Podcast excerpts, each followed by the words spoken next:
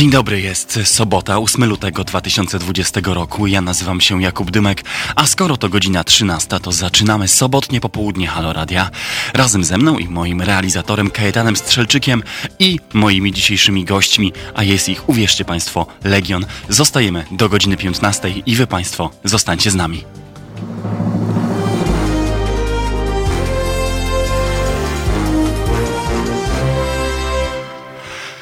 Dzień dobry Państwu, witam wszystkich słuchających przez aplikację na streamie, na Facebooku i na naszym kanale na YouTube. Witam wszystkich na czacie. Dzień dobry. E, mamy dla Państwa dzisiaj bardzo intensywny program. Ja sam nie doliczę się chyba ilości gości, ale zanim o tym, odrobina o tym, co za oknem w pięknej, słonecznej, wiosennej dzisiaj Warszawie. Idąc tu do Państwa, mijałem kolejne liczne bądź nie, ale na pewno widoczne i głośne zgromadzenie pod Trybunałem Konstytucyjnym tu w warszawskim Śródmieściu. A to chyba kolejny dowód na to, że choćbyśmy się starali i gdybyśmy nawet próbowali, to nie da się w Polsce nijak uciec od tematu reformy lub też deformy czy destrukcji wymiaru sądownictwa, wymiaru sprawiedliwości. To jest rzeczywiście temat, który goni nas w do najbardziej dosłownym wręcz sensie, nawet tu, na ulicach naszej stolicy. E, ale to z drugiej strony nic dziwnego, bo nawet dziś, gdy przygotowuję dla Państwa programy poświęcone tematyce europejskiej czy międzynarodowej, to proszę uwierzyć mi na słowo, goście pytają się, czy również będziemy musieli odnieść się do konfliktu Polski ze światem zewnętrznym, z Brukselą, z instytucjami europejskimi. E, więcej w tym temacie piszę w, dla Państwa w poniedziałkowym, najbliższym numerze tygodnika Przegląd. Bardzo polecam Państwu mój okładkowy tekst, jak zrujnowano polską reputację i polski wizerunek. E, duży materiał, niestety smutny, przygnębiający w tym, jak Jednoznacznie negatywne jest zdanie o Polsce pracujących tu u nas w Warszawie korespondentów zagranicznych, e, autorytetów świata nauki, gospodarki z zagranicy, czy dziennikarzy, historyków, socjologów i socjolożek, którzy dotychczas zazwyczaj Polsce byli bardzo przychylni lub przynajmniej życzliwie tym, co dzieje się w naszym kraju, e, zainteresowani. To niestety już dłużej faktem nie jest.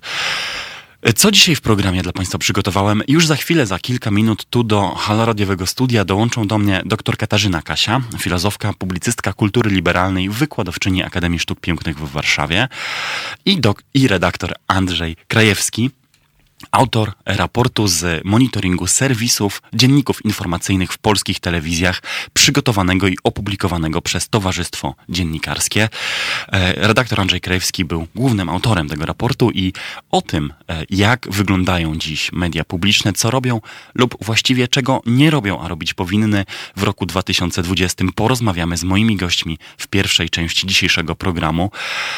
Wolałbym, rzecz jasna, żebyśmy do tematu mediów publicznych lub narodowych i tego, jak nie wypełniają swojej roli, nie musieli aż tak często na antenie Halo Radio wracać, ale okazuje się, że w dzisiejszej Polsce media obywatelskie, oddolne, e, dopiero startujące medialne inicjatywy, takie jak Halo Radio, są właśnie tą przestrzenią, która monitoruje i rozlicza dotowane publicznymi miliardami państwowe molochy. Cóż, do tego doszło. W drugiej godzinie od 14 będzie z nami redaktor Magdalena Cedro z Dziennika Gazety Prawnej, specjalistka do spraw e, europejskich i właśnie o polityce europejskiej w drugiej części naszego programu będziemy rozmawiać. E, poświęcimy chwilę na pewno Brexitowi. To też Państwu zapowiadałem e, tydzień temu w naszym programie. Będziemy rozmawiać o tym, jak funkcjonuje lub raczej jak funkcjonować będzie odchudzona o Wielką Brytanię zjednoczona Europa, bo to, że odczuje to zarówno wspólna obronność, budżet czy relacje handlowe jest przecież dla wszystkich oczywiste. E, poświęcimy trochę czasu wizycie e, prezydenta Republiki Francuskiej Emmanuela Macrona w Polsce, niedawnej wizycie Macrona w Polsce i jego planom czy hucznym zapowiedziom e, dotyczącym nowej europejskiej współpracy, nowego kontynentalnego ładu, związanego także, uwaga, uwaga, z bronią atomową.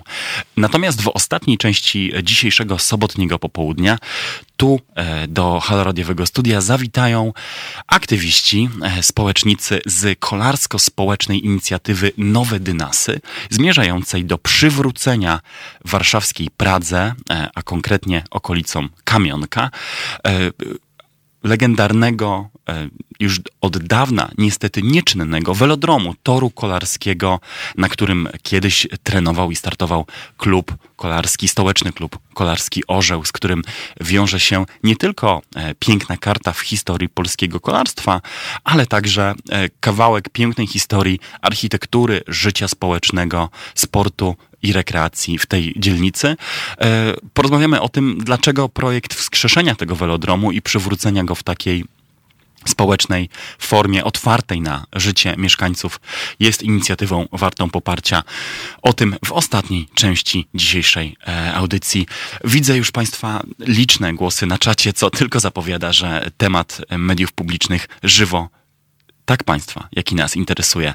E, moi goście dołączą do nas za chwilę, a ja tylko e, przypominam o tym, że Halo Radio, jak doskonale, e, jeżeli słuchacie nas Państwo co tydzień wiecie, jest inicjatywą społeczną utrzymującą się w całości z Państwa dobrowolnych wpłat z crowdfundingu, więc jeżeli słuchacie nas po raz pierwszy, to sięgnijcie do kieszeni, wysłupajcie przysłowiowego piątaka i pomóżcie nam wydawać codziennie program na żywo. My wracamy po Mr. Zub i mój jest ten kawałek podłogi z moimi dzisiejszymi gośćmi, redaktorem Andrzejem Krajewskim i dr Katarzyną Kasią.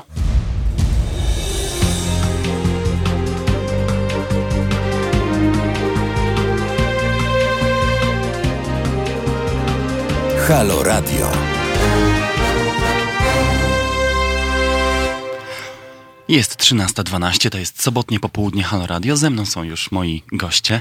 Doktor Katarzyna Kasia, dzień dobry. Dzień dobry. Cześć. Cześć. I redaktor Andrzej Krajewski z Towarzystwa Dzień. Dziennikarskiego. Dzień dobry. No, nie jest dla nikogo tajemnicą, o czym rozmawiamy, bo obszernie zdążyliśmy się wszyscy zbriefować i zapowiedzieć. Rozmawiamy o raporcie Towarzystwa Dziennikarskiego z monitoringów serwisów informacyjnych w polskich telewizjach. Bardzo długi tytuł. Panie redaktorze, jedyna wada może, jak, jak na wstępie. No nie, może, może wady się jeszcze znajdą, to zostawmy to ocenie czytelników. Ja panu powiem, y, myślałem o tym, żeby to y, mógł być tytuł na przykład TV Propaganda, ale już już była tej taka książce książka. Była już taka książka, ciekawa zresztą, warta polecenia. Y, Myślałem też, żeby na przykład Kurski krzepi. No ale może by nie Zawsze- było wiadomo, który. Zawsze jest kurwizja słynna. Na, nie, nie chciałem, nie chciałem tego, tego wymieniać. No więc no, były różne możliwości, w związku z tym y, dałem po prostu tytuł, tytuł opisowy, który, który mówi, y, co robiliśmy. A robili Państwo niezwykle trudne rzeczy, bo ja na początku, przepraszam Proszę. wcinam, ale y, jak przeczytałam ten raport, to y, przede wszystkim y, w, mo- w moim sercu dominował podziw dla pana redaktora, który tak dokładnie oglądał serwisy informacyjne, zwłaszcza, no co tu kryć, telewizji nazywanej publiczną. To musi być obciążające psychicznie. Ja czasami sobie robię takie nie widać seanse. mnie? Nie, świetnie pan wygląda. Natomiast ja czasami sobie robię takie W moim wieku to się mówi, że dobrze się trzyma. Nie, nie, to nie bądźmy ageistami, absolutnie, ale czasami sobie oglądam te, te programy i muszę powiedzieć, że jeden w tygodniu to jest chyba maksimum tego, co jestem w stanie udźwignąć. No to przyjmuję wyrazy współczucia, dlatego że dla mnie to 7 w tygodniu w czasie obserwacji było. Ja nie mówię, że jestem takim masochistą. E, masochistą publicznym nawet e, zyskałem takie miano w internecie. E, no ale to nie tylko moja zasługa, także miałem dwoje współpracowników, jeszcze dwie osoby się poświęcały, także w sumie każde wydanie oglądały dwie osoby, pisaliśmy to, co myślimy i ten raport jest takim wyciągiem z tego, z tego co, co razem żeśmy widzieli, opisali i ocenili. To przejdźmy do tego, co w tym raporcie możemy znaleźć. To jest y, monitoring oparty na, jak rozumiem, kilku, dobrych kilkudziesięciu godzinach wszystkich trzech najważniejszych serwisów To znaczy, informacyjnych, w jakie ogóle w to trzeba są. powiedzieć, że to nie jest pierwszy monitoring Towarzystwa Dziennikarskiego, dlatego że... Ale pierwszy w 2020. Y, Pierwszy w 2020, tak, ale były już y, y, dwa wcześniej, dlatego że był w 18. My, a że my wyborczo przede wszystkim to robimy, czyli zrobiliśmy trzy monitoringi w sumie wyborcze, jeden w 18 przed wyborami samorządowymi i wtedy też było porównanie wiadomości, wydarzeń i faktów. Zrobiliśmy przed wyborami europejskimi, no i przed parlamentarnymi. Te wszystkie e, raporty były ukazały się, były opisywane. Mogę powiedzieć, że chyba troszkę się przyczyniliśmy do tego, że e, OBWE przysłała swoich obserwatorów na ostatnie wybory, no i, i ocena była, powiedziałbym, dość mocna jak na te organizacje.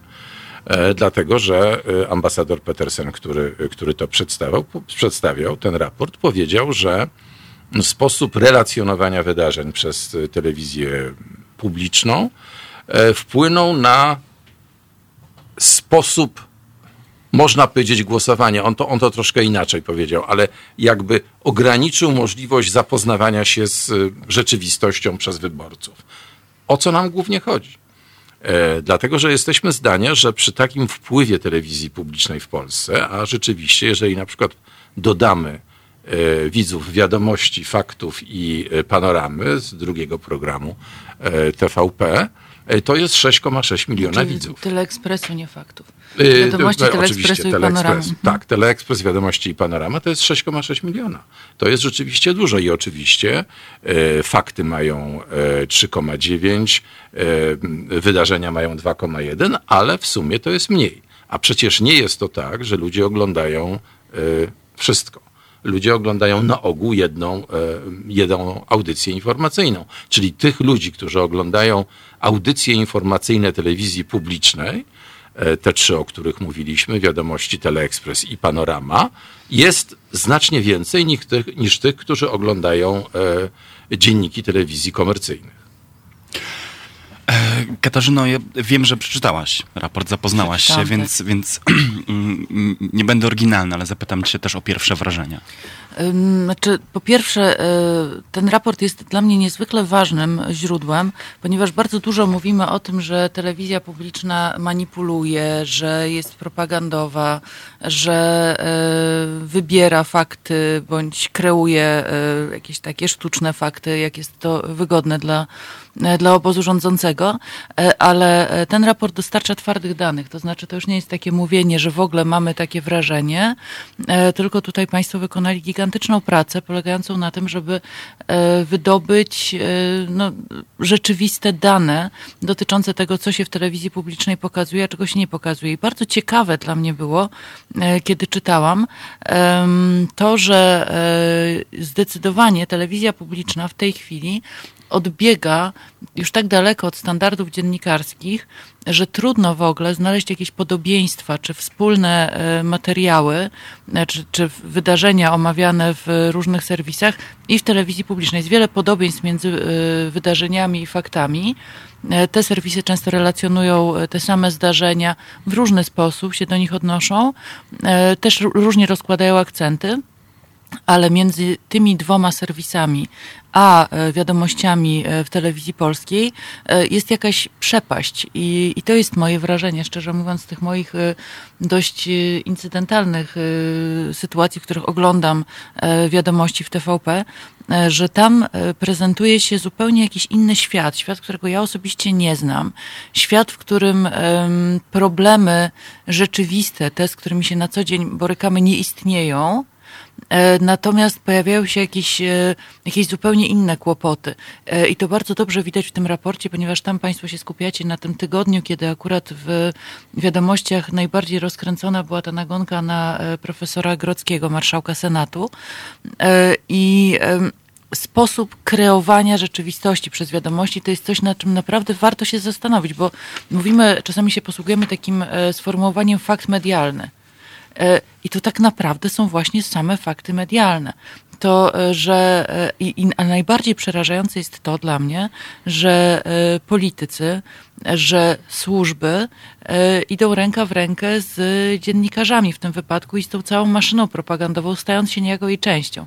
I wydaje mi się, że od czasów, no nie wiem, od 89 roku czegoś takiego jednak na taką skalę jeszcze nie mieliśmy, że to jest pewne nowum, że taka maszyna propagandowa w całości zatrudniona do tego, żeby bronić e, aktualnie panującej władzy, e, nigdy nie została wykreowana. Oczywiście można mówić o mediach publicznych, o tym, jak one były przejmowane przez kolejne ekipy, zastanawiać się nad tym, jak rządziło w nich SLD, e, jak rządziła Platforma Obywatelska z PSL-em, jak to się zmieniało, ale jednak e, mamy do czynienia, i to trzeba jasno sobie powiedzieć, to bardzo dobrze widać w tym raporcie, mamy do czynienia z całkowicie nową jakością, chociaż gdzieś tam gryzę się w język mówiąc jakość, bo to znaczyłoby coś dobrego. E, Tymczasem to jest jakaś antyjakość. antyjakość. To jest po prostu zaprzeczenie tego wszystkiego, co jest misją dziennikarstwa i tego wszystkiego, zwłaszcza co jest powinnością mediów publicznych i co wy, wynika nawet z ustawy o, e, o mediach publicznych. No właśnie, panie redaktorze, bo e, mamy przecież, czy mieliśmy do pewnego czasu ciała w Polsce, które taką pracą, jak ta, którą tu wykonujecie, zajmowały się e, na pełen etat, mówiąc kolokwialnie. Tak miały po prostu media monitorować, Krajowa regulować, Rada kontrolować. Radiofonii i Telewizji, artykuł 213 Konstytucji mówi o tym, że ona stoi na straży interesu publicznego w radiofonii i telewizji. W związku z tym jest ciałem, które jest zobowiązane do sprawdzania, czy ten interes publiczny jest reprezentowany, czy nie.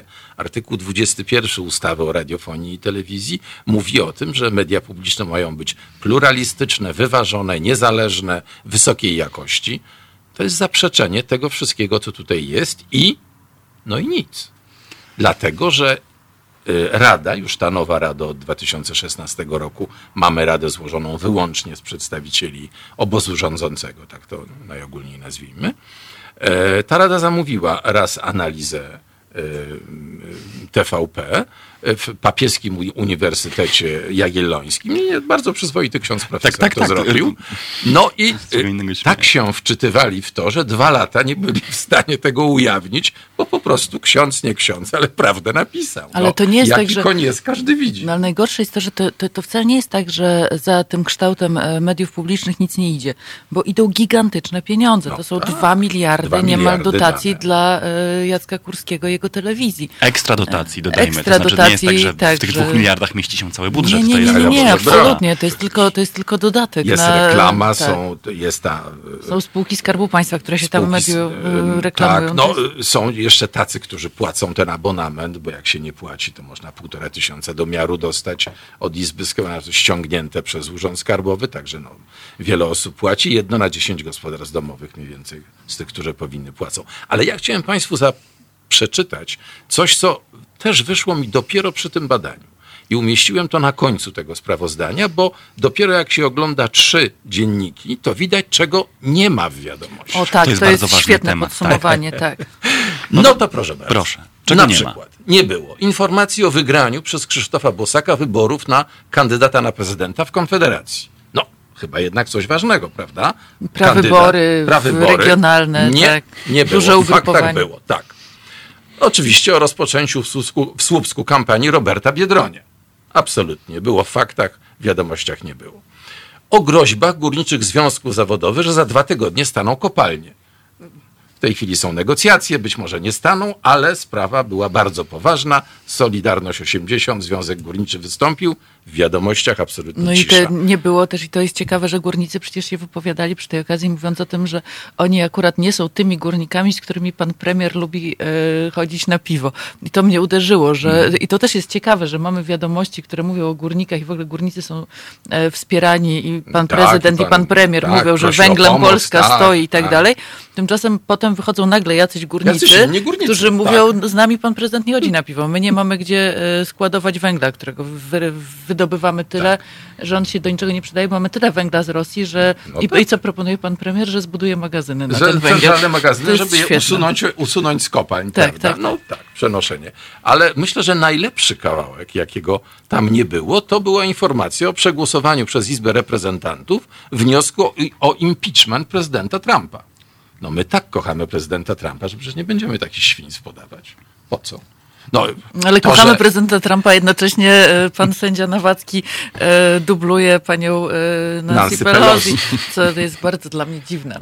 Ja nie wiem, czy on to przemyślał. Mm, Ja też nie wiem, czy on to Myślę, przemyślał, że bo ona to to zrobiła znacznie lepiej i w zupełnie innej okoliczności. Podobała mi się wypowiedź. Leszka Millera, który powiedział, że jak chciał zabłysnąć, to lepiej jakby się posypał brokatem, niż żeby tak darł to na kawałki. Drodzy Państwo, ja Nie, to jeszcze się. tylko jedna Dobrze. wiadomość, To jeszcze, ja cały raz o tym, ale Wśród założycieli Solidarności nie było Lecha Wałęsy. No to chyba jest oczywiste. To chyba nas nie zaskakuje. Może dla pani, ja nie jestem tak wyszukany, ale nie jestem doktorem. Nie, Leszek, Lech Wałęsa, gdzie Lech Wałęsa? To... Tak. Ten ostatni fragment, e, na który się pan powołał, czyli to podsumowanie wiadomości, których nie było, e, mnie wydaje się o tyle ciekawe, że stosunkowo łatwo jest zwolennikom dzisiejszej propagandy telewizyjnej odpierać zarzuty o to, że przedstawia w krzywym zwierciadle opozycję. No trudno, wy, wy, wy, wy nas glanowaliście, to my wyglanujemy was. Jest pewien rodzaj fałszywej symetrii zbudowany. Natomiast to, co ten raport rzeczywiście pokazuje, to jest to, że w telewizji nie ma informacji nawet, które z punktu widzenia władzy wydawałyby się neutralne. I zwyczajnie konieczne też do stworzenia Jest jakiejś tyle minimalnej świadomości politycznej. że już nie ma miejsca. Znaczy, te wiadomości zawsze są skonstruowane według. Ja, ja mam wrażenie, że niech mnie pan poprawi, panie redaktorze, jeśli się mylę, ale z mojego odbioru to wynikało coś takiego, że zaczynamy właśnie zawsze od jakiejś super wiadomości, zapowiedzi, takiej super zapowiedzi, jak państwo No tak, piszecie jest w super zapowiedź. To, za, Potem- zanim nazywam się Danuta Cholecka, to już coś mówi. To już coś mówię. Potem się nazywam, potem są takie wiadomości z Polski. I my, Krzepiące. narzekający ludzie, nagle dowiadujemy się, że żyjemy w kraju mlekiem, miodem i cukrem płynącym, że w Bez ogóle mamy cudowny świat, cudowne wszystko. Premier Morawiecki w kampanii poprzedniej jeździł i odwiedzał różne miejscowości i tam dzieci mu wręczały kwiatki albo e, on jakieś teraz obiecywał rzeczy. Teraz jeździ. pan prezydent jeździ i robi to samo. Czasem tam coś pokrzyczy, ale to tylko, żeby, e, żeby podkreślić, jakim jest prawdziwym mężem stanu, bo moglibyśmy inaczej tego nie zauważyć. I e, potem, po tym seansie takim pierwszym, zaczyna się część druga, która dla mnie jest zawsze dużo bardziej ciekawa, bo to jest ta jazda już po, tak, teraz, po opozycji. E, I Tutaj też byłam pod ogromnym wrażeniem mm, jakości dziennikarstwa prezentowanego w wiadomościach TVP, ponieważ nie zetknęłam się nigdy w żadnym serwisie, który bym oglądała, e, z tym, żeby dzień po dniu powtarzać te same newsy.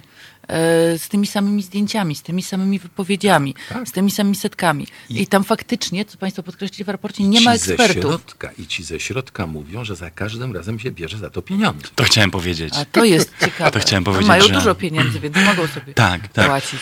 Mariusz Kowalewski we wspomnianej tutaj Mhm. e, książce o tytule TV Propaganda em, ujawnia rzeczywiście taki fragment na temat tego, jak kreatywni, czy bardzo pracowici, w cudzysłowie dziennikarze, sprzedają swoje własne materiały na ten sam temat do kilku serwisów informacyjnych, no, jedną antenę, drugą antenę, trzecią antenę i w ten sposób I podbijają do sobie... kilku wydań wiadomości dzień po dniu. Fascynujące. Dodaje się tylko jedną, jakąś jedną wypowiedź, tam się nakręci więcej, no więc to wrzucimy w środę jedno, we w czwartek drugie i kasujemy. Ale jest to szokujące, bo ja, znaczy ja nigdy tego nie widziałam wcześniej, żeby y, dwa razy dzień po dniu ten sam materiał dokładnie się ukazywał. To jest nie tylko to.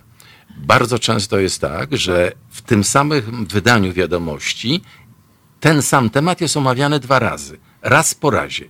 Nawet ujęcia się powtarzają, dlatego że trzeba wpierw go przedstawić, a potem pogłębić, potem pokazać słuszność. No, jeszcze paski. Bo paski to, to jest w ogóle coś niesłychanego, ponieważ jest to powiedzenie, co masz pomyśleć o tym materiale, który my ci teraz przedstawimy. Drodzy Państwo, paski są e, rzeczywiście fascynującym tematem, dlatego od niego będę chciał zacząć drugą część naszej rozmowy. My naszych słuchaczy i słuchaczki zostawimy na chwilę, Bez ale w pasków. dobrych rękach z Bobem Dylanem i wracamy do Was za chwilę. Halo Radio. 13.14, Boże, 13.35, nie wiem skąd mi się wzięło to 14. E, sobotnie popołudnie Halo Radio z moimi gośćmi, dr Katarzyną Kasią i redaktorem Andrzejem Krajewskim. Dzień dobry, cześć raz jeszcze. Dzień dobry. Myślę, Dobre że chciałeś podać popołudnie. złą godzinę, bo rozmawiamy o robieniu fake newsów w telewizji. Sfejkowany czas. Dokładnie. Słuchajcie, w pierwszej części naszej rozmowy było łatwo. Dałem wam się e, powyżywać na e, tele, telewizji, mediach niegdyś publicznych. Teraz będzie trudniej.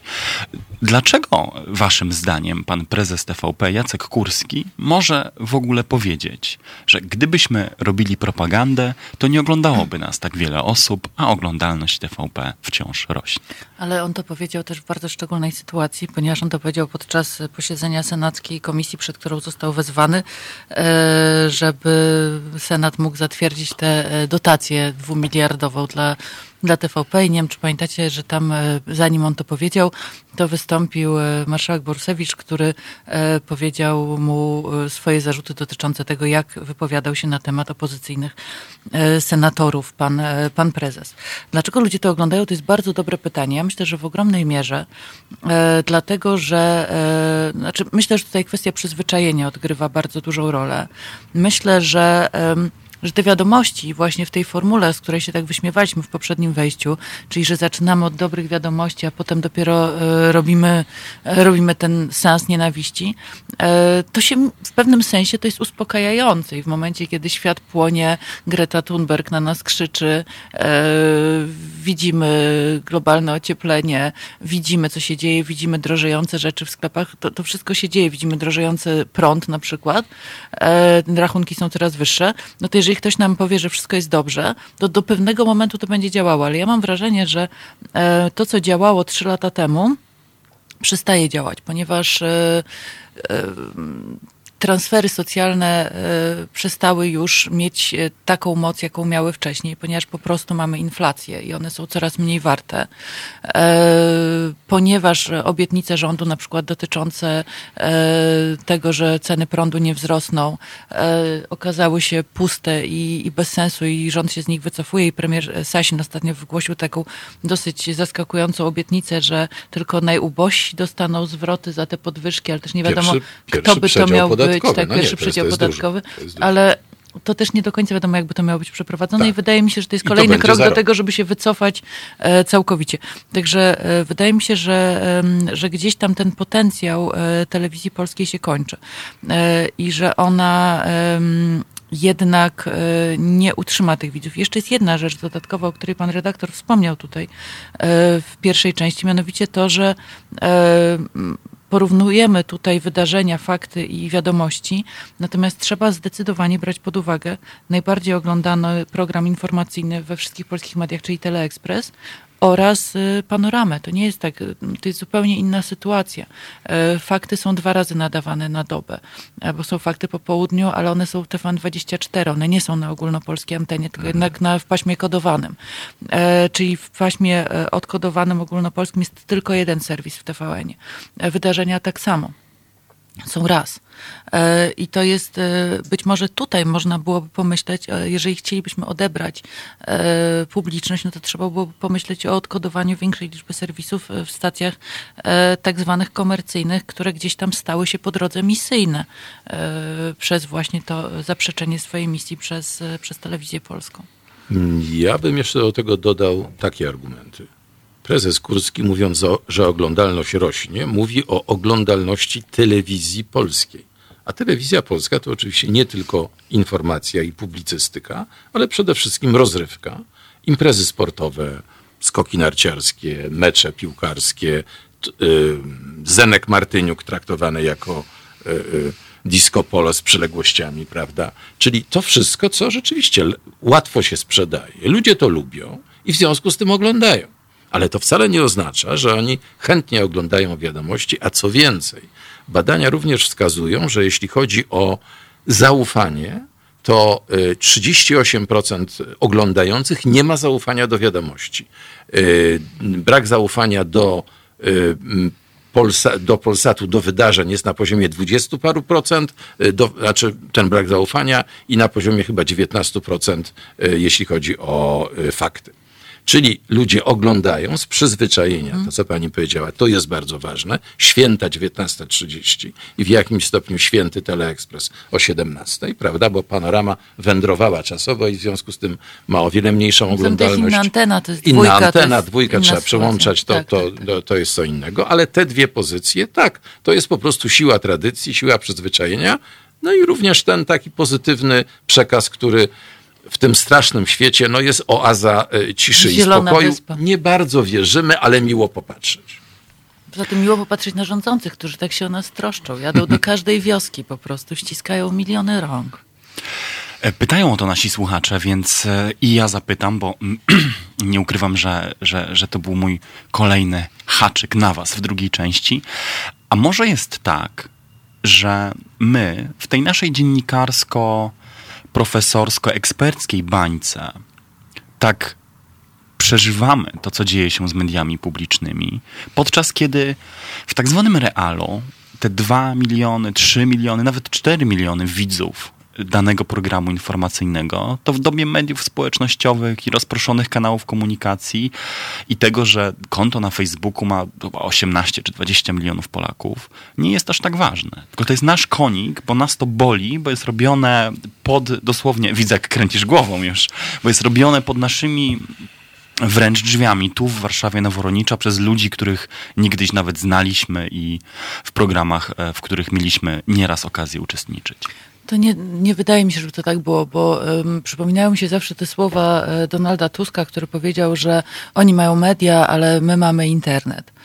Um, i e, zaraz po tych słowach e, były kolejne porażki wyborcze opozycji. Czyli jednak to nie do końca tak jest, że internet wystarczy. Jeżeli chodzi o internetyzację Polski, to nie jesteśmy wcale w czołówce europejskiej. Jesteśmy gdzieś tam powiedzmy po środku stawki. I też pytanie o to, do czego używamy internetu jest bardzo ważne. I wydaje mi się, że jednak tutaj on jest używany jako narzędzie komunikacji takiej międzyludzkiej. Natomiast jeżeli chodzi o e, politykę, to ludzie mają jej tak dosyć, że e, no z wyjątkiem pewnych bardzo specyficznych, pewnie naszych baniek, e, tej polityki tam za dużo, za dużo nie ma.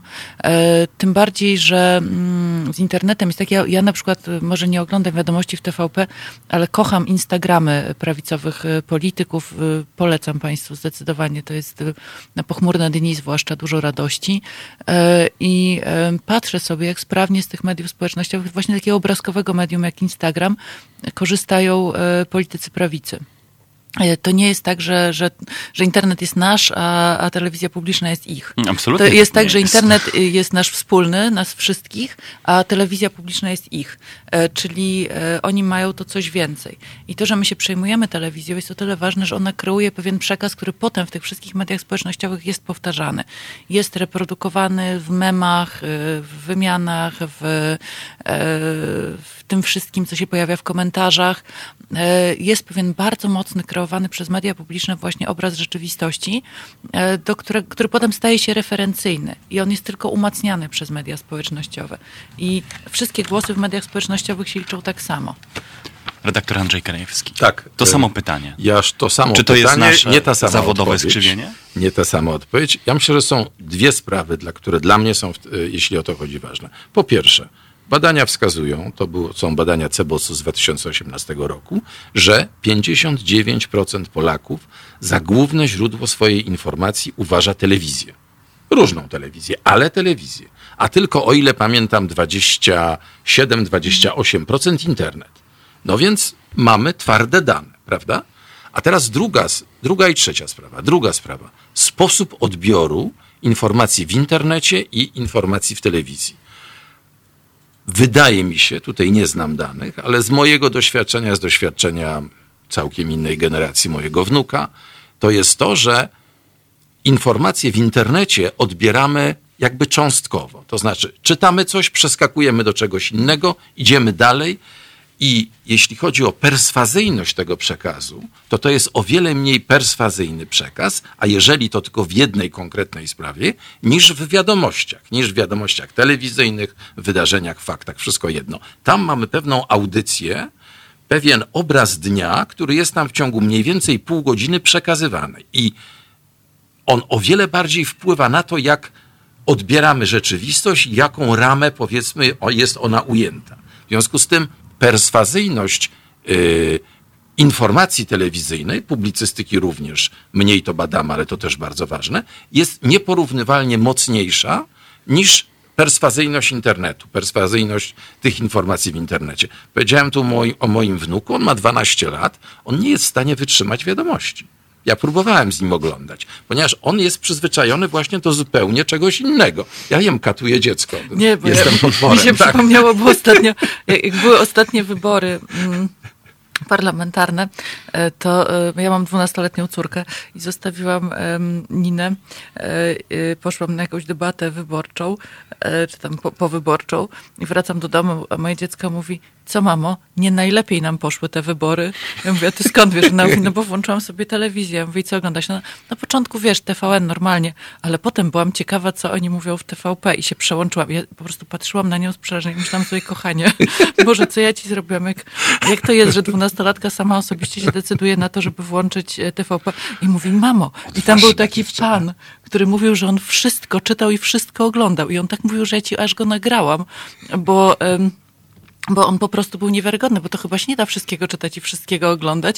A on mówi, że on wszystko czyta i wszystko ogląda i że PiS cały czas jest tam niszczony w tym wszystkim, co on czyta i ogląda. I tym panem był pan Karnowski. E, I moja córka była pod tak ogromnym wrażeniem, że go nagrała i mi mówi, mamo, zobacz, to jest pan, który wszystko czytał i wszystko oglądał. E, Także dzieci nawet jak, znaczy to, to pokolenie właśnie tych dzisiejszych dwunastolatków, e, no, oni też, ja byłam pod wrażeniem tego, jak bardzo na przykład dla niej to już jest nie do łyknięcia, ze względu właśnie na to, jak to jest przerysowane. Ona, ona już nie wierzy w takie coś. Dla niej ten pan jest jak z kreskówki, jest jak z jakiegoś filmu o Avengersach, no bo ta, tam są tacy bohaterowie super, którzy wszystko robili, wszystko czytali, wszystko oglądali. Piękny trend, dzięki. Ale ja jeszcze jedno chcę powiedzieć. Otóż, co jest jeszcze ważne? No to, że ta telewizja propagandowa łamie codziennie, nieustannie, wytrwale prawo. No po No prostu. nareszcie, jakieś odwołanie do pryncypiów. No czekałem na to, czekałem na to wcześniej. Najpierw zaczęliście się migać. w raporcie jest na samym początku, Jest. panie Nie, nie, redaktorze. dobrze, dobrze. Czuję Mówię się o, tej, oburzony. mówię o tej części audycji. Łamie Jasne. prawo. Tak, łamie prawo po prostu, ponieważ artykuł 21 wyraźnie mówi, jakie mają być media publiczne. Są wprost przeciwnie, zupełnie, zupełnie różne. I pan Kurski uważa, że to jest normalne. Tak, właśnie tacy mamy być. Poza No. tym łamie prawo, bo też wykorzystuje na przykład różne materiały bez e, wiedzy i zgody osób, które w nich wystąpiły. Ja zostałam wystąpiona e, w TVP A, na to ja też przykład. zaraz powiem. E, I to jest bardzo ciekawe dla mnie, że, że człowiek coś mówi gdzieś, a potem nagle się okaże, że ta nasza audycja dzisiejsza nagle się pokaże w, w dzisiejszych wiadomościach. Jeśli mogę dopytać, to gdzie cię, gdzie cię pokazali? W wiadomościach TVP, Ale- mhm. ponieważ pamiętacie e, na pewno e, Państwo sytuację z e, tym, jak Olga Tokarczuk odbierała Nagrodę Nobla i w czasie, kiedy Olga Tokarczuk w Sztokholmie odbierała Nagrodę Nobla, w TVP była zapowiedziana rozmowa prezesa Jacka Kurskiego z Zenonem Martyniukiem w sprawie organizacji Sylwestra Disco Polo w Zakopanem i, em, i to było na tej głównej antenie. No i wobec protestów jednakże misja i że TVP zdecydowano się e, pokazać tę przemowę e, Olgi Tokarczuk Noblowską e, w TVP Info i w TVP Kultura. I musiało być to bardzo wszystko nerwowo organizowane, bo było dwóch różnych tłumaczy. Moim zdaniem dwa razy płacono za te transmisje, no nieważne. W każdym razie em, ja powiedziałam w programie, e, że, e, no, że dla mnie to jest oburzające, że właśnie misja telewizji publicznej nie polega na promowaniu kultury w postaci disco polo, tylko jednak e, na uhonorowaniu naszej noblistki. No i potem właśnie był materiał w wiadomościach o tym, jak TVN szkaluje TVP i że oni pokazywali, no tylko właśnie nie wspomnieli na której antenie, e, o której i jak to wyglądało i że na przykład nie było na ogólnodostępnej ogólnopolskiej antenie. Zanim oddam jeszcze głos redaktorowi Krajewskiemu, drodzy Państwo, to mówię do słuchaczy i słuchaczek, jeżeli macie jakieś pytania do naszych gości, to tradycyjne, niezmienne adresy dymekmałpa.halo.radio, teraz małpa.halo.radio lub na naszym streamie na YouTubie. Mamy jeszcze 5 minut. Katarzyna Kasia, jestem pani fanką, pisze pani Ania. Bardzo Ale po, Pani Aniu. miło. Pani Aniu, poza wszystkimi podziękowaniami, ostatnie minuty na pytania. Zwracam głos To ja redaktor jeszcze, Andrzej tak, Krajewski. bo y, a propos bycia pokazanym, prawda? Czy jak Bycia to- wystąpionym, Bycia tak. wystąpionym, tak. Więc no, z całym szacunkiem dla pani doktor, ale pani y, profesor Gersdorf, pierwsza prezes Sądu Najwyższego, wystąpiła przez tydzień, występowała w reklamówce programu Kasta. Jak do tego doszło?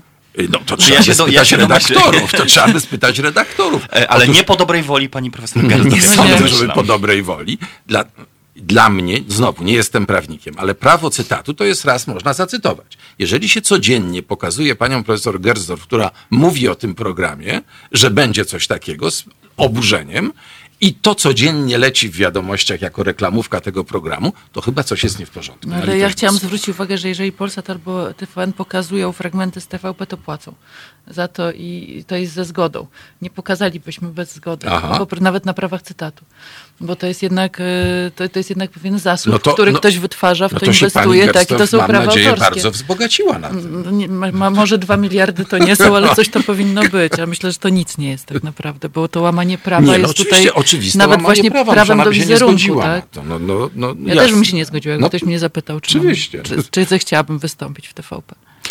E, drodzy Państwo, my się zbliżamy powoli do końca, ale... A tu wystąpiliśmy z pełną zgodą, świadomo, to tak, tak, podkreślić. Tak, tak, tak.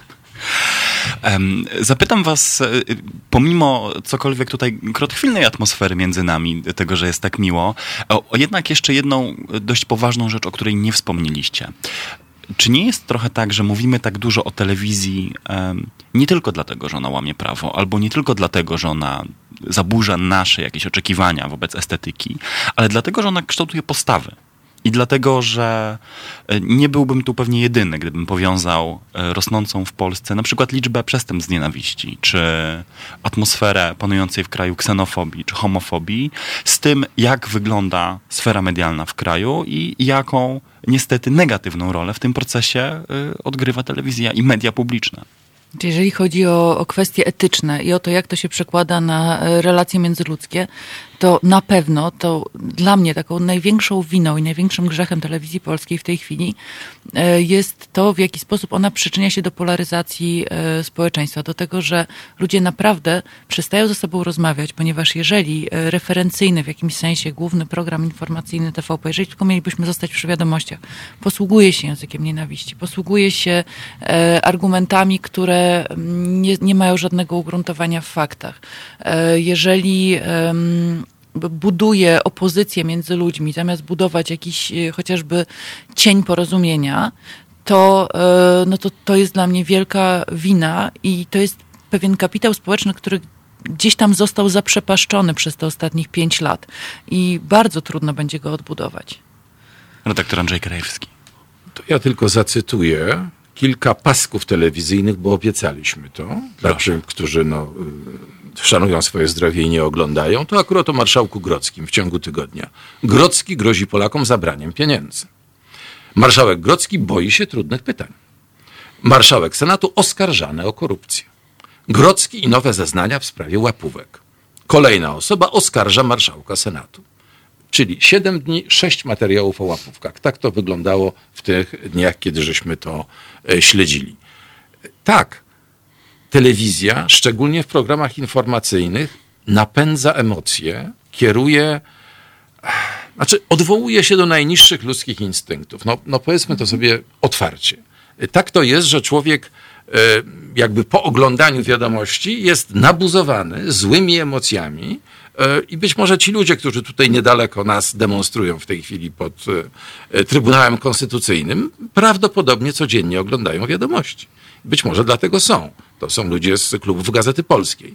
E, trochę się boję wyjść i ich spytać, ale mam ochotę po naszej audycji przejść się tam i, i zobaczyć. Tak. to jest fatalne, dlatego że ja już od wielu osób słyszę, że święta albo rozmawiamy wyłącznie o potrawach wigilijnych, o tradycji rodzinnej, nie rozmawiamy w ogóle o polityce, o tym, co się dzieje, ponieważ zagryziemy się e, w rodzinach. No, nie jest to normalna sytuacja. Doktor Katarzyna Kasia, redaktor Andrzej Krajewski byli moimi gośćmi w e, tej pierwszej godzinie sobotniego popołudnia Halo Radio. Rozmawialiśmy o raporcie Towarzystwa Dziennikarskiego z monitoringu serwisów informacyjnych w Polsce. Bardzo dziękujemy. Dziękuję. Bardzo Wam dziękuję za Wasz czas. Dobrego weekendu.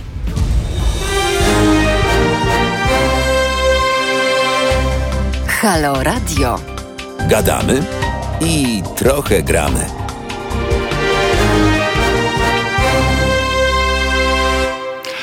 Jest 14.01, ja nazywam się niezmiennie Jakub Dymek. Jest to sobotnie popołudnie Halo Radio. Ze mną jest już zapowiedziana gościni drugiej części redaktor Magdalena Cedro, Dziennik Gazeta Prawna. Dzień dobry. Dzień dobry, cześć. Unia Europejska odchudziła się o e, mocarstwa atomowe, jeden z największych krajów wspólnoty, przynajmniej jeżeli chodzi o ludność czy e, kontrybucję do wspólnego budżetu. I co dalej? Jak sobie z tym e, poradzimy? Czy Brytyjczycy wreszcie dostali na co zasłużyli? I czy problemy z tym, jak wiemy, rozwlekłym, niezwykle biurokratycznie skomplikowanym procesem odcisną się na nas tu, zwykłych obywatelach Europy? E, Dużo pytań, wiem. tak, konsekwencji Brexitu nadal nie odczuwamy ani my po tej stronie kanału angielskiego, czy kanału La Manche, ani Brytyjczycy po, po tamtej stronie. E, problem jest ten, problem albo, albo właśnie szansa na, na, na poukładanie relacji i, i po tym, jak już emocje opadną. E, do 1 stycznia 2021 roku de facto nie zmieni się nic, ponieważ e, do tego czasu obowiązuje okres przejściowy, co oznacza, że nie potrzebujemy paszportów, żeby pojechać do Wielkiej Brytanii, zostaje zachowany ten przepływ e, osób, kapitału, towarów. E, nadal u, Wielka Brytania musi na przykład dostosowywać się do regulacji unijnych, więc tak naprawdę, tak naprawdę jeszcze kilka miesięcy musi, e, musi upłynąć, żebyśmy się dowiedzieli tak naprawdę, czym jest Brexit, a być może dużo, dużo więcej, ponieważ przez najprawdopodobniej po, po tym, jak już naprawdę do tego Brexitu dojdzie, znaczy, może nie do Brexitu, ale Wielka Brytania odetnie się od, e, od Unii Europejskiej na dobre, e, co nastąpi za tych kilka miesięcy. Dopiero wtedy dowiemy się, jaki Wielka Brytania ma pomysł na siebie. Czy rzeczywiście na przykład stanie się tym Singapurem e, Europy, czy nadal będzie chciała być bliżej Unii Europejskiej. To też ona sama pewnie będzie, to się będzie zmieniało wraz ze zmianami politycznymi na wyspach, ale też gospodarczymi, bo tak naprawdę ani my, ani oni jeszcze do końca nie wiemy, jakie są koszty gospodarcze dla Brytyjczyków e, Brexitu. Ale możemy chyba powiedzieć jasno, że to hasło, które prze, przyświecało e, opcji Vote Leave, czyli hasło Take Back Control, przejmijmy z powrotem stery w nasze ręce, odbierzmy kontrolę instytucjom europejskim, sami e, pilnujmy tego, jak wygląda nasze prawo, no okazuje się być fałszem, bo jeszcze przez przynajmniej kolejny rok, a prawdopodobnie i kolejne miesiące i lata, to większość obowiązującego na wyspach prawa będzie musiało być siłą rzeczy zgodne z prawem europejskim, więc nie tyle zyskali oni kontrolę, co się jej pozbawili.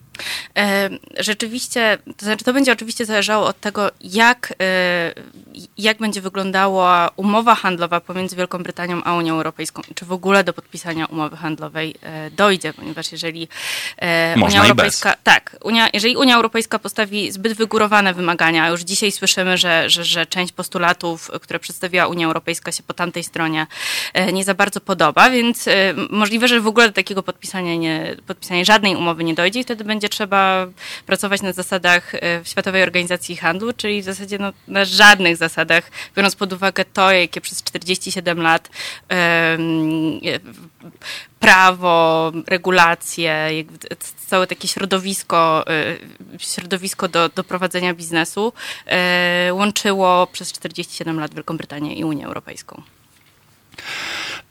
Nie powiedziałaś nic o politycznych konsekwencjach tego, co się, co się wydarzyło. Brytyjczycy mają za sobą siedem elekcji w ciągu pięciu lat bodajże i chyba nie zaryzykujemy specjalnie wiele, jeżeli powiemy, że ten okres politycznej niestabilności się u nich bynajmniej nie kończy. Czy to będzie przesada i y, nadmierna złośliwość z mojej strony co do Chyba gabinetu Boris Borisa Johnson ma Johnsona? dosyć dobre, dosyć dobre notowania i, i dopóki stoi twardo przy tym, że Brexit znaczy Brexit i nie będzie żadnych, e, żadnych ustępstw wobec, e, wobec Unii Europejskiej, to rzeczywiście to się Brytyjczykom podoba. Chyba spodobało mu się. e, Brytyjczycy, zwłaszcza ci, którzy zagłosowali za wyjściem z Unii Europejskiej, no byli lekko poddenerwowani taką niestabilnością poprzedniego rządu, który rzeczywiście nie miał wpływu na parlament. Boris Johnson rzeczywiście wziął sprawy w swoje ręce i do Brexitu wreszcie doprowadził, tak jak obiecywał. Pytanie tylko, co dalej, ponieważ y, przed Borisem Johnsonem stoi teraz bardzo trudna decyzja, jak właśnie związać się z tą Unią Europejską. Tak jak ty powiedziałeś, że jeszcze najprawdopodobniej przez najbliższe miesiące, a może i lata w Wielkiej Brytanii nadal będzie obowiązywało unijne prawo. No właśnie i pytanie jest teraz, ponieważ Unia Europejska chce, żeby standardy prowadzenia biznesu tu i tam były wyrównane. Co miałoby de facto najprawdopodobniej oznaczać, że Wielka Brytania nadal y, no, musiałaby słuchać tego, co mówi Parlament Europejski, tego, co mówi y, y, Trybunał Sprawiedliwości Unii Europejskiej, ten znienawidzony bardzo na Wyspach. Więc właśnie pytanie, czy Boris Johnson się na to zgodzi. Najprawdopodobniej nie za bardzo chce się na to zgodzić. I wtedy powstaje pytanie, czy rzeczywiście jak, jak, jak, jak, jak, jakie, jakie on ma opcje przed sobą i on dopiero to w najbliższych miesiącach pokaże. Natomiast e, to, co już wiemy, że się dzieje, bo obserwujemy to niejako na żywo, to jest e, mniejszy europejski wspólny budżet pomniejszony o tą składkę, którą do niego wnosiła dotychczas Wielka Brytania. Była to składka niemała i następującym w wyniku tego e, dyskusje, chociażby o wspólnej polityce rolnej, prawda? Tak jest. E, znaczy zabraknie e, około 14 miliardów euro co roku. To jest bardzo duża dziura budżetowa.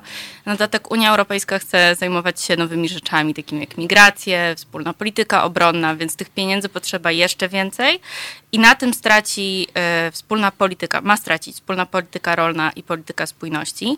Już w tym w tym początkowym projekcie, który jest nadal bardzo hojny, nie podoba się wielu krajom e, członkowskim, w tym Niemcom, e, Polska ma stracić 23% e, w polityce spójności. To jest bardzo dużo i rzeczywiście no, najprawdopodobniej jeszcze jakiś być może miliard nam ode, ode, nam zabiorą, więc to jest rzeczywiście bardzo, bardzo trudna dyskusja, która czeka w najbliższych miesiącach całą Unię Europejską i te podziały są nieprawdopodobne być może do, dojdzie w ogóle do tego, że budżetu od 2021 roku po prostu nie będzie i przez kilka pierwszych miesięcy, czy nie wiem, być może przez nawet pierwszy rok będzie obowiązywał o, obecny budżet w ramach takiego planu, alarm, e, planu awaryjnego, który przygotowuje Komisja Europejska. Więc rzeczywiście sytuacja jest poważna i chociaż u nas się o tym no, mało mówi, to to jest ten, ten, ten, mm, ten najbliższy kryzys, który być może czeka wspólnotę, taki kryzys negocjacyjny, jeżeli chodzi o budżet.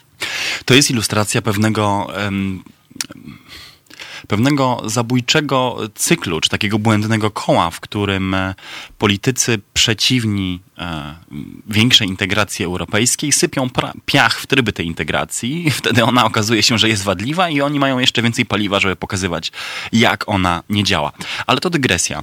W miejsce, w które opuszcza Wielka Brytania, w tę pustkę naturalnie ktoś e, chciałby wejść i widać w tym momencie, że pierwszy w tym wyścigu jest Emmanuel Macron. Przynajmniej on najbardziej nie ukrywa swoich ambicji do tego, żeby e, stać się pierwszym rozgrywającym w Unii Europejskiej po Brexicie. E, rzeczywiście tak jest i nawet chyba Francja jest takim naturalnym kandydatem do tego, ponieważ to ona jako jedyna jest członkiem, stałym członkiem Rady Bezpieczeństwa ONZ, e, jest mocarstwem nuklearnym i tak dalej, i tak. Rzeczywiście w polityce obronnej, no od w zasadzie dziesięciolecie odgrywała dosyć, dosyć e, znaczącą e, rolę, w odróżnieniu od Niemiec, które boją się, jak wiemy, to często się ci, którzy chcieliby więcej Niemiec w Unii Europejskiej, zarzucają to Niemcom, że Niemcy boją się takiej przejąć, przejąć stery tej Unii Europejskiej. Tak wiadomo oczywiście, że Angela Merkel ma bardzo znaczącą pozycję w Unii Europejskiej, ale nigdy, nigdy tak oficjalnie nie wzięła, tak jak dzisiaj robi to e, prezydent, e, prezydent Francji, sterów w swoje ręce. I rzeczywiście Emmanuel Macron, te, zwłaszcza podczas tej wizyty, wizyty w Polsce, on pokazał się jako taki polityk, który e, traktuje politykę międzynarodową na serio. On tutaj nie przyjeżdżał dobijać kontraktów, szukać jakiegoś porozumienia, w, nie wiem, prosić o to, żeby, żeby Polacy kupili jakiś samolot, tylko on tutaj przyjechał przekonywać do swojej wizji świata i on, ta jego wizja świata wykracza poza jego kadencję tą, czy nie wiem, jeżeli będzie ewentualnie przyszła.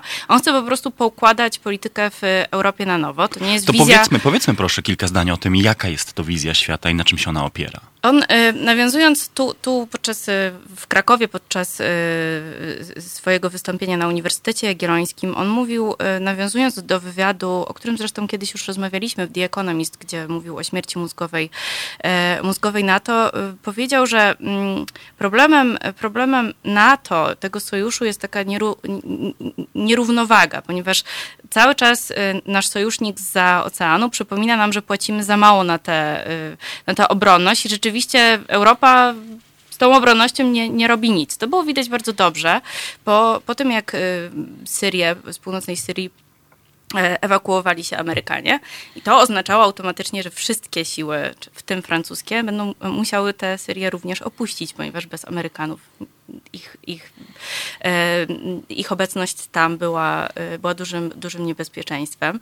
No i teraz, teraz Emmanuel Macron chce, żeby Europa wzięła, w, wzięła sprawy w zakresie obronności w swoje ręce, ale to ma się wiązać również z tym, żeby poukładać sobie relacje z Rosją. I to jest ten, yy, ta Czyli... kwestia, mhm. która nas znacząco dzieli tu, tu Warszawę, niezależnie chyba od rządów, ponieważ rząd Platformy Obywatelskiej poprzedni, czy, czy nawet sam Donald Tusk jako przewodniczący Rady Europejskiej przestrzegał przed szukaniem przyjaźni, przyjaźni z Rosją. Yy, I to jest natomiast yy, w partnerstwie, w programie współpracy dotyczącym partnerstwa strategicznego Polski i Francji, jeden dokument przeczytałam i tam rzeczywiście znajduje się taki pasus mówiący o tym, że, że, że mm, żeby podjąć dialog z Rosją, ale ten dialog ma być stanowczy. Cokolwiek to, to oznacza. Myślę, że w Paryżu i w Warszawie mogą inaczej rozumieć Właśnie, to słowo. i to jest, to jest pytanie, czy Emmanuel Macron pomyśli sobie, że to jest to zielone światło y, do tego, żeby otworzyć rozmowy z Rosją.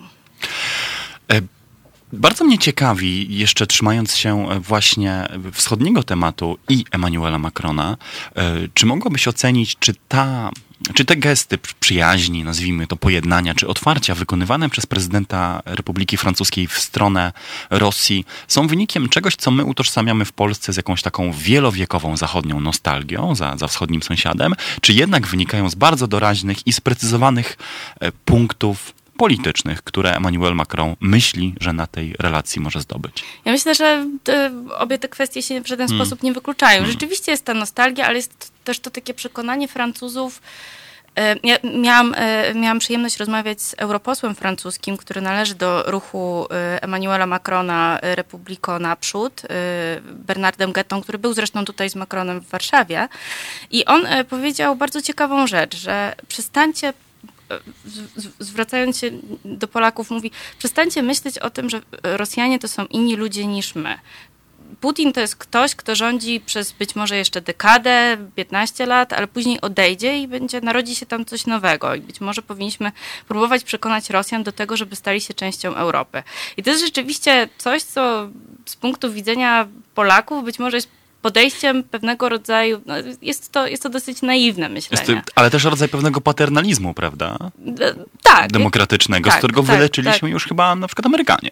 E, chociaż rzeczywiście każdy nowy prezydent podejmuje tam pewną próbę, próbę dogadania się z, z, Rosją, po czym okazuje się, że jest to niemożliwe i być może w przypadku Emmanuela Macrona będzie podobnie.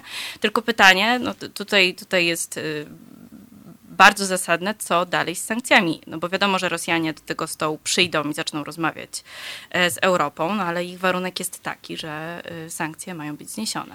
Podczas kiedy, no właśnie, sankcje to jest e, jeden, złośliwi powiedzieliby, z nielicznych sukcesów Prawa i Sprawiedliwości na arenie europejskiej, a przynajmniej jednym z tych osiągnięć, o których bardzo głośno, wyraźnie i dobitnie mówią. Zresztą tu mamy pewną ciągłość, prawda, bo i europosłowie za, Platformy Obywatelskiej i zarządu Donalda Tuska byli za tymi sankcjami i dzisiejsza delegacja w Parlamencie Europejskim z większością posłów PiS także za nimi jest. To prawda, tylko pytanie też y, na ile y, wpływ na podtrzymywanie sankcji, które są przedłużane co pół roku, miało to, że przewodniczącym Rady Europejskiej był Donald Tusk, który rzeczywiście cały czas mówił o, o, o przypominał o Ukrainie, o wojnie we wschodniej Ukrainie, o Krymie y, zanektowanym przez, y, przez Rosjan. Więc to jest rzeczywiście tego polityka teraz tam nie ma, tego głosu tam nie ma, tak wyraźnie jak był. Natomiast jest w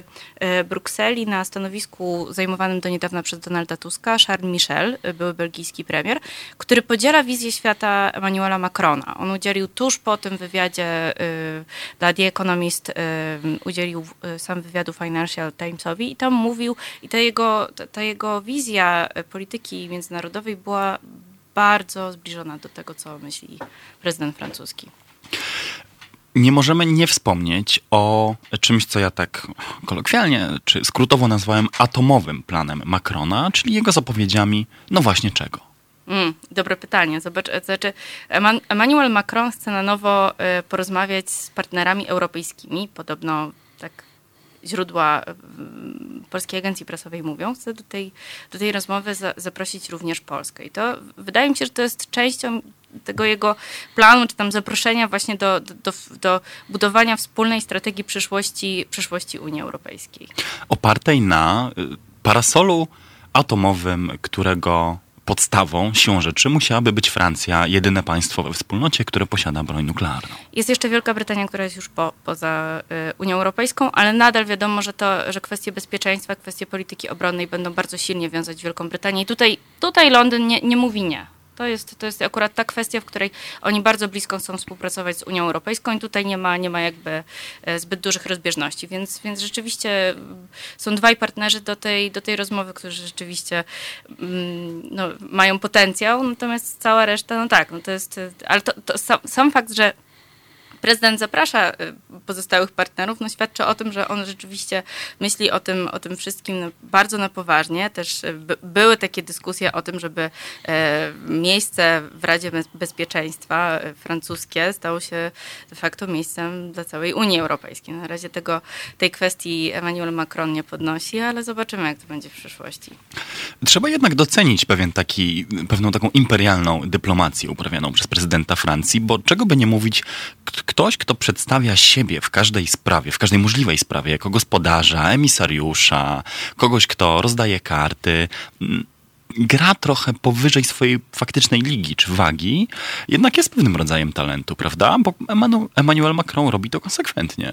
Mnie się jednak podoba, że jest w Europie polityk, który mówi o, o o przyszłości, myśli strategicznie, patrzy na świat globalnie, e, widzi pewnego rodzaju zagrożenia. On tu też zresztą w Krakowie mówił, mówił o tym, że największym wyzwaniem jest demografia i migracja. I rzeczywiście to jest coś, z czym e, trzeba będzie, jeżeli chcemy się zmierzyć na poważnie, no to rzeczywiście elementem jakby e, tego ma, powinny być działania w Afryce, ponieważ Francja nie chce działać na dwóch frontach, no to chce się właśnie dogadać, dogadać z Rosją. Więc jakby to, to takie myślenie przyszłościowe, ale też bardzo takie globalne, globalne, holistyczne, jest dosyć ciekawe, ponieważ w Unii Europejskiej bardzo często się przeciwnicy Unii, ale też, ale też i jej zwolennicy wskazują, że Unia, Unia to jest trochę taki y, strażak, który y, gasi kolejne kryzysy i że w zasadzie Unia Europejska nie ma swojej takiej, y, nie myśli strategicznie. No, ciężko by było, ponieważ rzeczywiście polityka, polityka zagraniczna, czy, czy, czy, czy, czy właśnie polityka międzynarodowa, no to jest, y, wymaga zgody wszystkich krajów Unii Europejskiej na, tu bardzo ciężko być może nie, przykład sankcji akurat jest, y, jest tego zaprzeczeniem, ale, ale na przykład, nie wiem, kwestia Wenezueli, czy kwestia y, ingerencji tureckiej w Syrii, no to, to, to, są takie kwestie, w których to, to stanowisko unijne się wykuwa albo, albo nie ma go wcale, albo wykuwa się bardzo długo, jest generalnie bardzo oględne, więc rzeczywiście fajnie jest, fajnie jest mieć takiego polityka, który myśli o tym, mm, o tym nieco, nieco szerzej. Natomiast Emmanuel Macron, jeżeli spojrzymy na jego dotychczasowe realne plany, osiągnięcia. Tak. I realne osiągnięcia to, to jest polityk, który ma mniej więcej 10 spektakularnych pomysłów na miesiąc, z czego no, większość, na przykład jego nie wiem, chociażby postulaty reformy strefy euro, czy coś, co było odczytywane nad Wisłą jako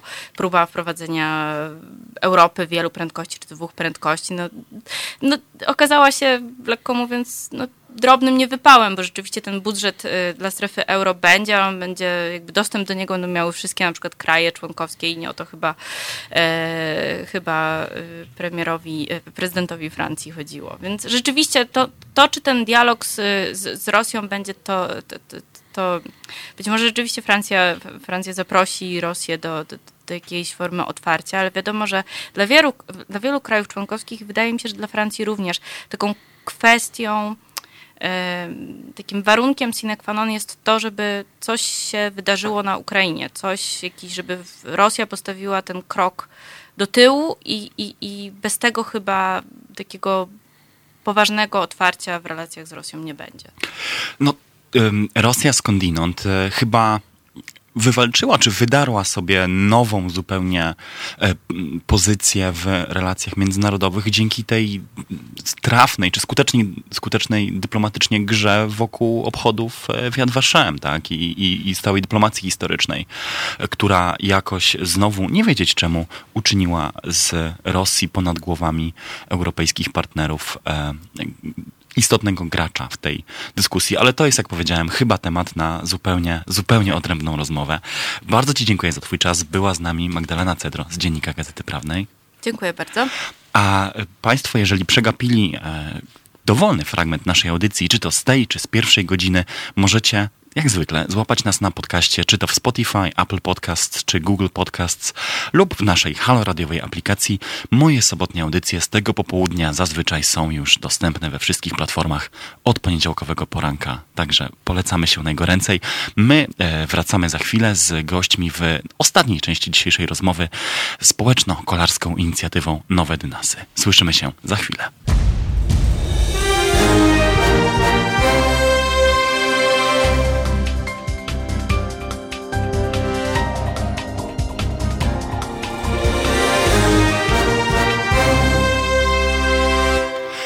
Czternasta trzydzieści, sobotnie popołudnie Halo Radio. Są już z nami, ba, nie tylko moi goście w całej trójce, ale po raz pierwszy chyba w tym studio rower torowy.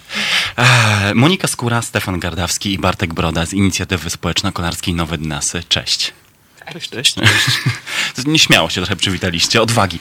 Em, słuchajcie, y, po pierwsze mamy tu rower w studio. Ręka do góry, kto jeździ? No, ja jeżdżę, no, jedyna kobieta wśród tych panów. Ja też jeżdżę, e, po drugiej stronie mikrofonu. E, powiedzcie, e, dlaczego mamy tu dzisiaj z nami rower i ten piękny e, baner, który z nim przyjechał. O co w inicjatywie chodzi i dla tych słuchaczy też spoza Warszawy, gdzie całe te nowe dynasy w ogóle są? Więc nowe dynasty leżą na pograniczu Grochowa i Kamionka na Pradze Południe To Stefan Gardawski. e, przy ulicy Podskarbińskiej. E, Jest to tor kolarski, który powstał w 1972 roku, natomiast od 1995 roku jest już nieczynny i w związku z tym popadł w ruinę. E, Natomiast nasza inicjatywa już od dobrych sześciu lat przypomina o tym miejscu. Chcemy je ożywić i przywrócić. Dziękuję za ten wstęp, gdzie tutaj zostało powiedziane, że to sportowo-społeczna inicjatywa, bo nie chodzi tylko o aspekty sportowe, ale żeby ten teren, cały ten teren przywrócić też lokalnej społeczności, mieszkańcom i kolarzom. I o to walczymy. Dlatego też złożyliśmy wniosek o konsultacje społeczne, żeby mieszkańcy mogli się wypowiedzieć i y, wskazać, jakie funkcje by tam widzieli poza kolarską. E, robimy, przypominamy jakieś historyczne wydarzenia, jakie się tam e, działy, jakie e, odbywały się zawody i też mówimy dużo o przyszłości, co tam byśmy chcieli, co, co proponujemy, żeby tam zaaranżować, zrobić. To jest taki bardzo ładny teren położony i otoczony osiedlami, więc naokoło tak naprawdę mamy bardzo dużo młodych ludzi mieszkających i stary, fajny tor, który można by było przywrócić im wszystkim. Bartek. E, No, to jest, jeśli właśnie mówimy o tej funkcji społecznej bardziej, nie, nie tylko sportowej, to, to warto zwrócić uwagę, że to jest teren, który w ostatnim czasie podległ takim strasznym przeobrażeniom. Zniknęło bardzo wiele historycznych miejsc, historycznych budynków. Y, Ten Grochów się zmienia.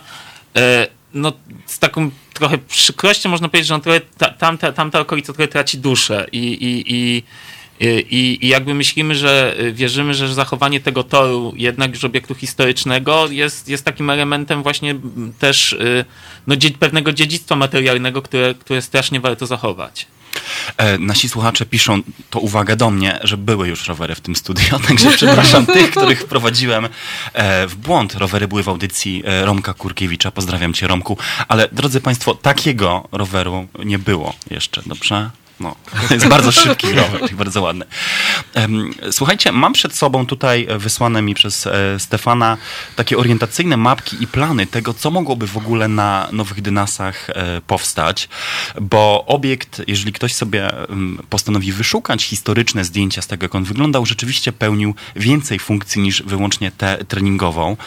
Rzuć tutaj okiem, chociaż pewnie znasz te plany na pamięć i powiedz nam w kilku słowach i opowiedz, o co w nich chodzi. Co więcej, może dla lokalnej społeczności niż tylko dać przestrzeń do jeżdżenia, zrobić tor kolarski. Tak, no ten, ten schemat nazywa się Park Zielone Dynasty, co też już sugeruje, co tutaj znajdziemy.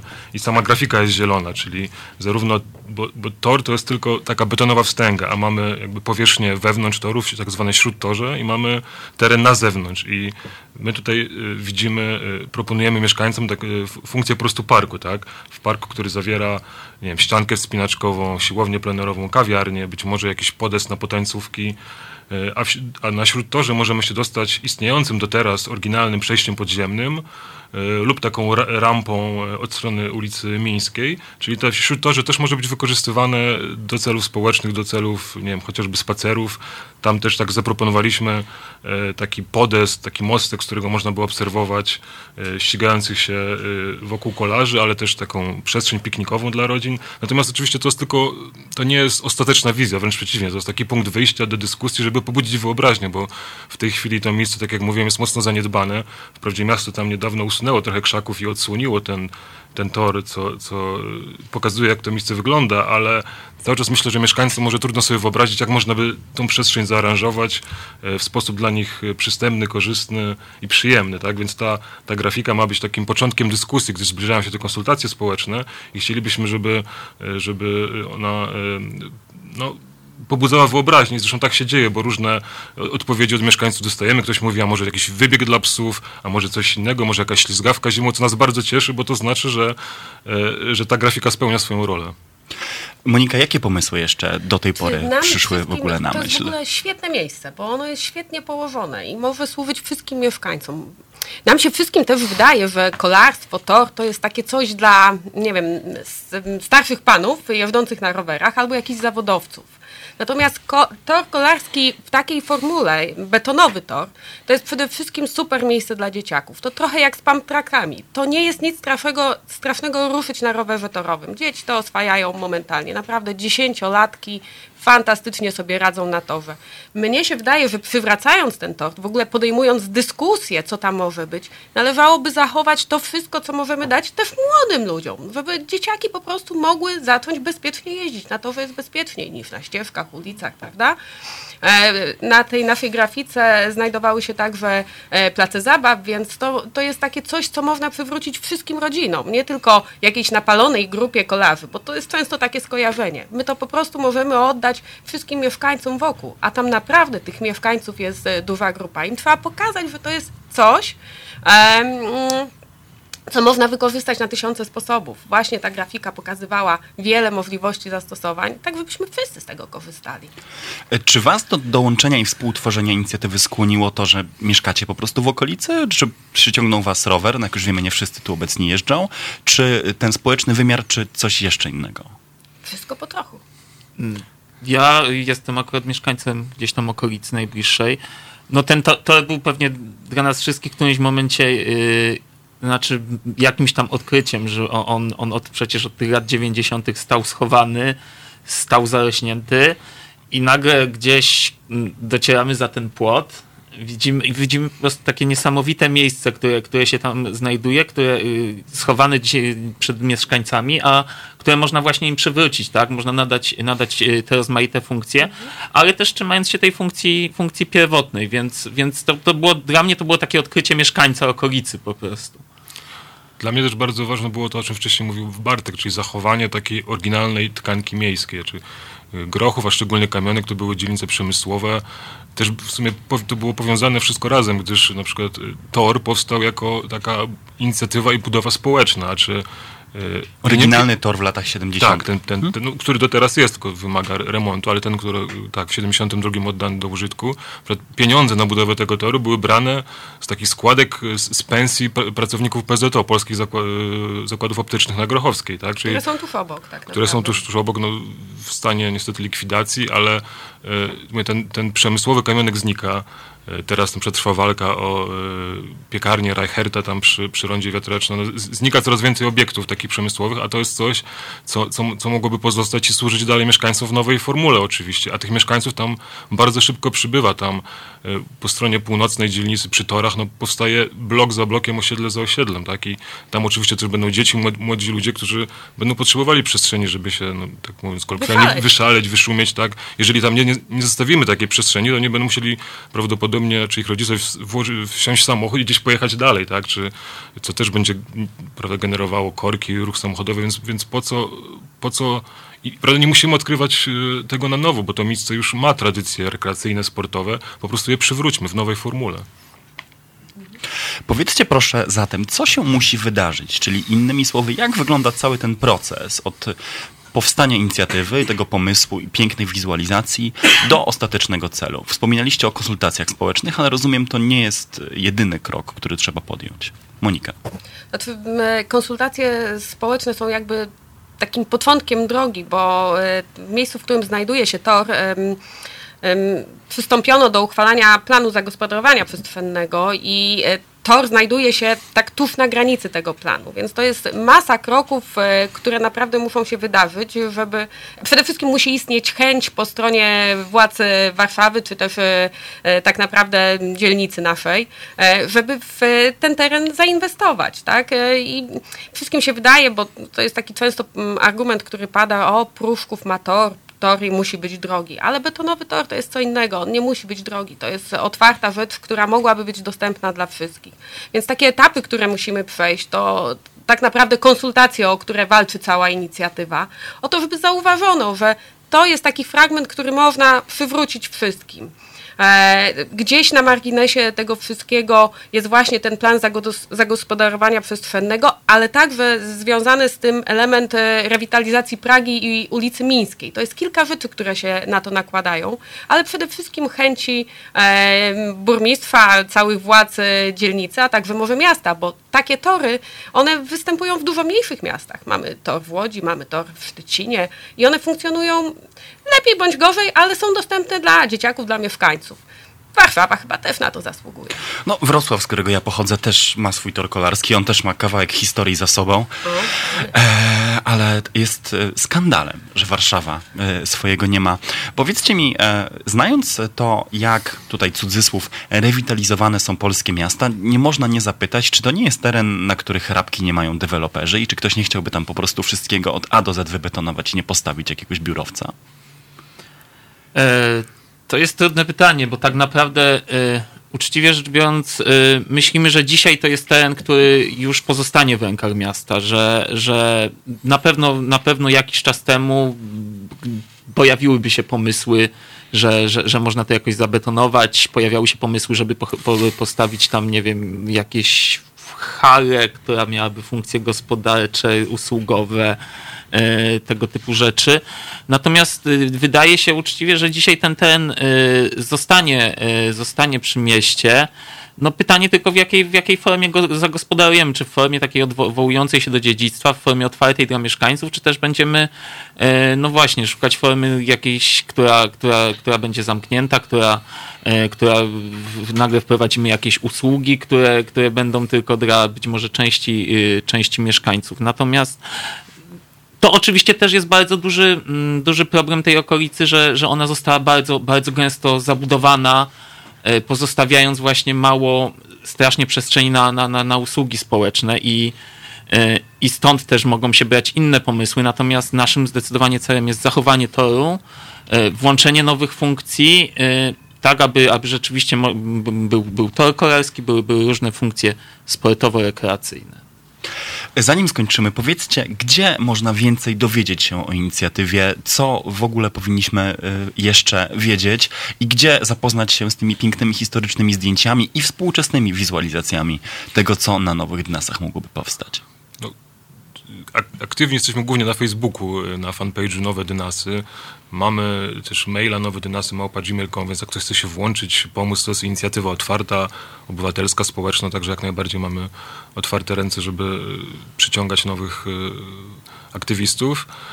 Powstaje strona internetowa, i też uczestniczymy teraz w takim ciekawym projekcie robionym przez Muzeum Pragi, to się nazywa Historia Mówiona dokładnie gol e, o, historii sportu na Pradze i e, w ramach tego projektu zbieramy głównie takie materiały audio, czyli rozmowy, e, wspomnienia mieszkańców, sportowców, też kolarzy.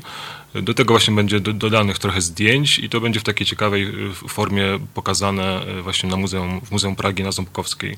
No i oczywiście też jak nasza strona ruszy, to też na pewno te zdjęcia archiwalne tam będziemy pokazywać, eksponować i, i pisać o tej historii.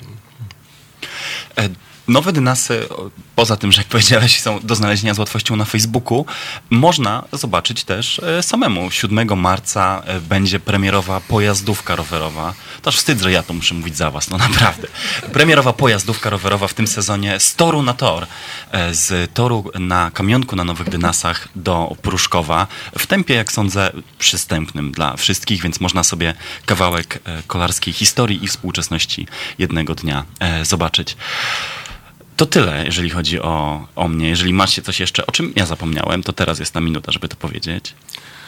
No nie wiem, jeszcze naszym marzeniem jest to, żeby tak jak e, poprzez w słowie, w dzielnicy Stegny symbolem Stegien jest tor, tor łyżwiarski, zresztą zaprojektowany przez tego samego inżyniera, co tor e, Nowe Dynasy na, na Kamionku, inżyniera Kalbarczyka, czy na Służewcu jest e, tor wyścigów konnych? I też jak słyszymy Służewiec, to dziś widzimy te, ten tor zabytkowy, te kapelusze i te konie, które się tam ścigają, to żeby Nowe Dynasy właśnie były takim, stały się takim s- na nowo symbolem kultury rowerowej, tylko już nie, nie sportu zawodowego, a, a sportu takiego amatorskiego dla y, mieszkańców, więc to jest nasze marzenie y, i o to walczymy. Warszawa ma świetne kluby kolarskie. Naprawdę dużo dzieci wkolimy, więc może takie marzenie, żeby te dzieci jeździły na tych nowych dynasach, na starym, w starym klubie Oweł, tak? Fantastyczna sprawa. No zdecydowanie to, co Monika mówiła, że Warszawa zasługuje na, na tor kolarski, tak? Stolica, największe miasto zasługuje, żeby, żeby mieć coś, mieć taki obiekt. Bardzo Wam dziękuję. E, Byli z nami Bartek Broda, Stefan Gardawski, Monika Skóra e, z pięknym rowerem i flagą, którą e, pewnie znajdziecie za chwilę na naszym radiowym Instagramie. Dzięki za Wasz czas, powodzenia i do zobaczenia na torze.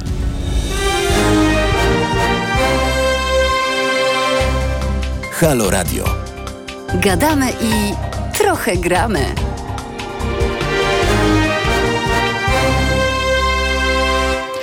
14.48, sobotnie popołudnie Halo Radio. Cały czas przy mikrofonie Jakub Dymek, ale nie sam. Jest tutaj z nami drugi najpiękniejszy głos Halo Radia. Mariusz Kłaniam się, dzień Cześć. dobry. Nie wiem, czy najpiękniejsze, ale widzę, jakie tłumy fanatyków zbierają się na dole przed wejściem. Ale to nie twoi naszej- fanatycy. Właśnie nie wiem, średnia wieku jest e, dosyć znacząca. Mam nadzieję, że wszyscy, którzy tu przyjechali demonstrować z flagami biało-czerwonymi pod siedzibę naszego radia, zaparkowali prawidłowo e, i że w spokoju się rozejdą. Mam też nadzieję, że wszyscy oni mają smartfony po to, żeby już za kilka minut posłuchać kolejnej audycji o bezpieczeństwie ruchu drogowego, a dzisiaj będzie się działo. Co znalazłem, e, e, no, nie chcę powiedzieć dziecko, bo to dorosły człowiek, ale tak, dziecko renesansu. Człowiek jest tak, e, sędzią rajdowym, Hmm. BHP-owcem, strażakiem, mm, sam jest zawodnikiem rajdowym, a do tego wszystkiego jest instruktorem nauki jazdy i z tego co pamiętam, to ostatnio chyba papiery na egzaminatora też robił. Więc będzie o czym rozmawiać, bo będę chciał zapytać o jego doświadczenie z sędziowania w rajdach. Czy gdyby tak samo dobrze stosowali się do przepisów kierowcy rajdowi, to do ilu nieszczęść by na tych trasach dochodziło i jak to można w ogóle porównać. Także zapraszam serdecznie i uważaj, jak będziesz wychodził. Ty E, również Koniecznie uważaj. flaga biało-czerwona e, albo chociaż Gazeta Polska pod pachę. Mariuszu, ty również uważaj, bo atmosfera wokół sędziowania w Polsce akurat jest bardzo gęsta, więc Wiedziałem, razem ze swoim Tak, gościem no, s- s- sędzia powinniście być nie- bardzo nierówny. Tak, tak, tak. Zapraszam, a tobie dziękuję. E, Mariusz Gzyl, o, już od 15 my e, zostajemy z Państwem, to znaczy nie ja, ale Halo Radio dziś do późnych godzin wieczornych, więc bądźcie z nami. W moim dzisiejszym programie to tyle, co dla Was przygotowałem. Wszystko jak zwykle od poniedziałkowego poranku już na podcaście w Spotify, Apple Podcasts, Google Podcasts i naszej Halo Radiowej aplikacji. E, ja nazywam się Jakub Dymek, realizował nas niezastąpiony Kajetan Strzelczyk. My słyszymy się, Kajetan tu zostaje. My słyszymy się jak zwykle w sobotę o 13 za tydzień. Dobrego dnia, bezpiecznego weekendu, bawcie się dobrze.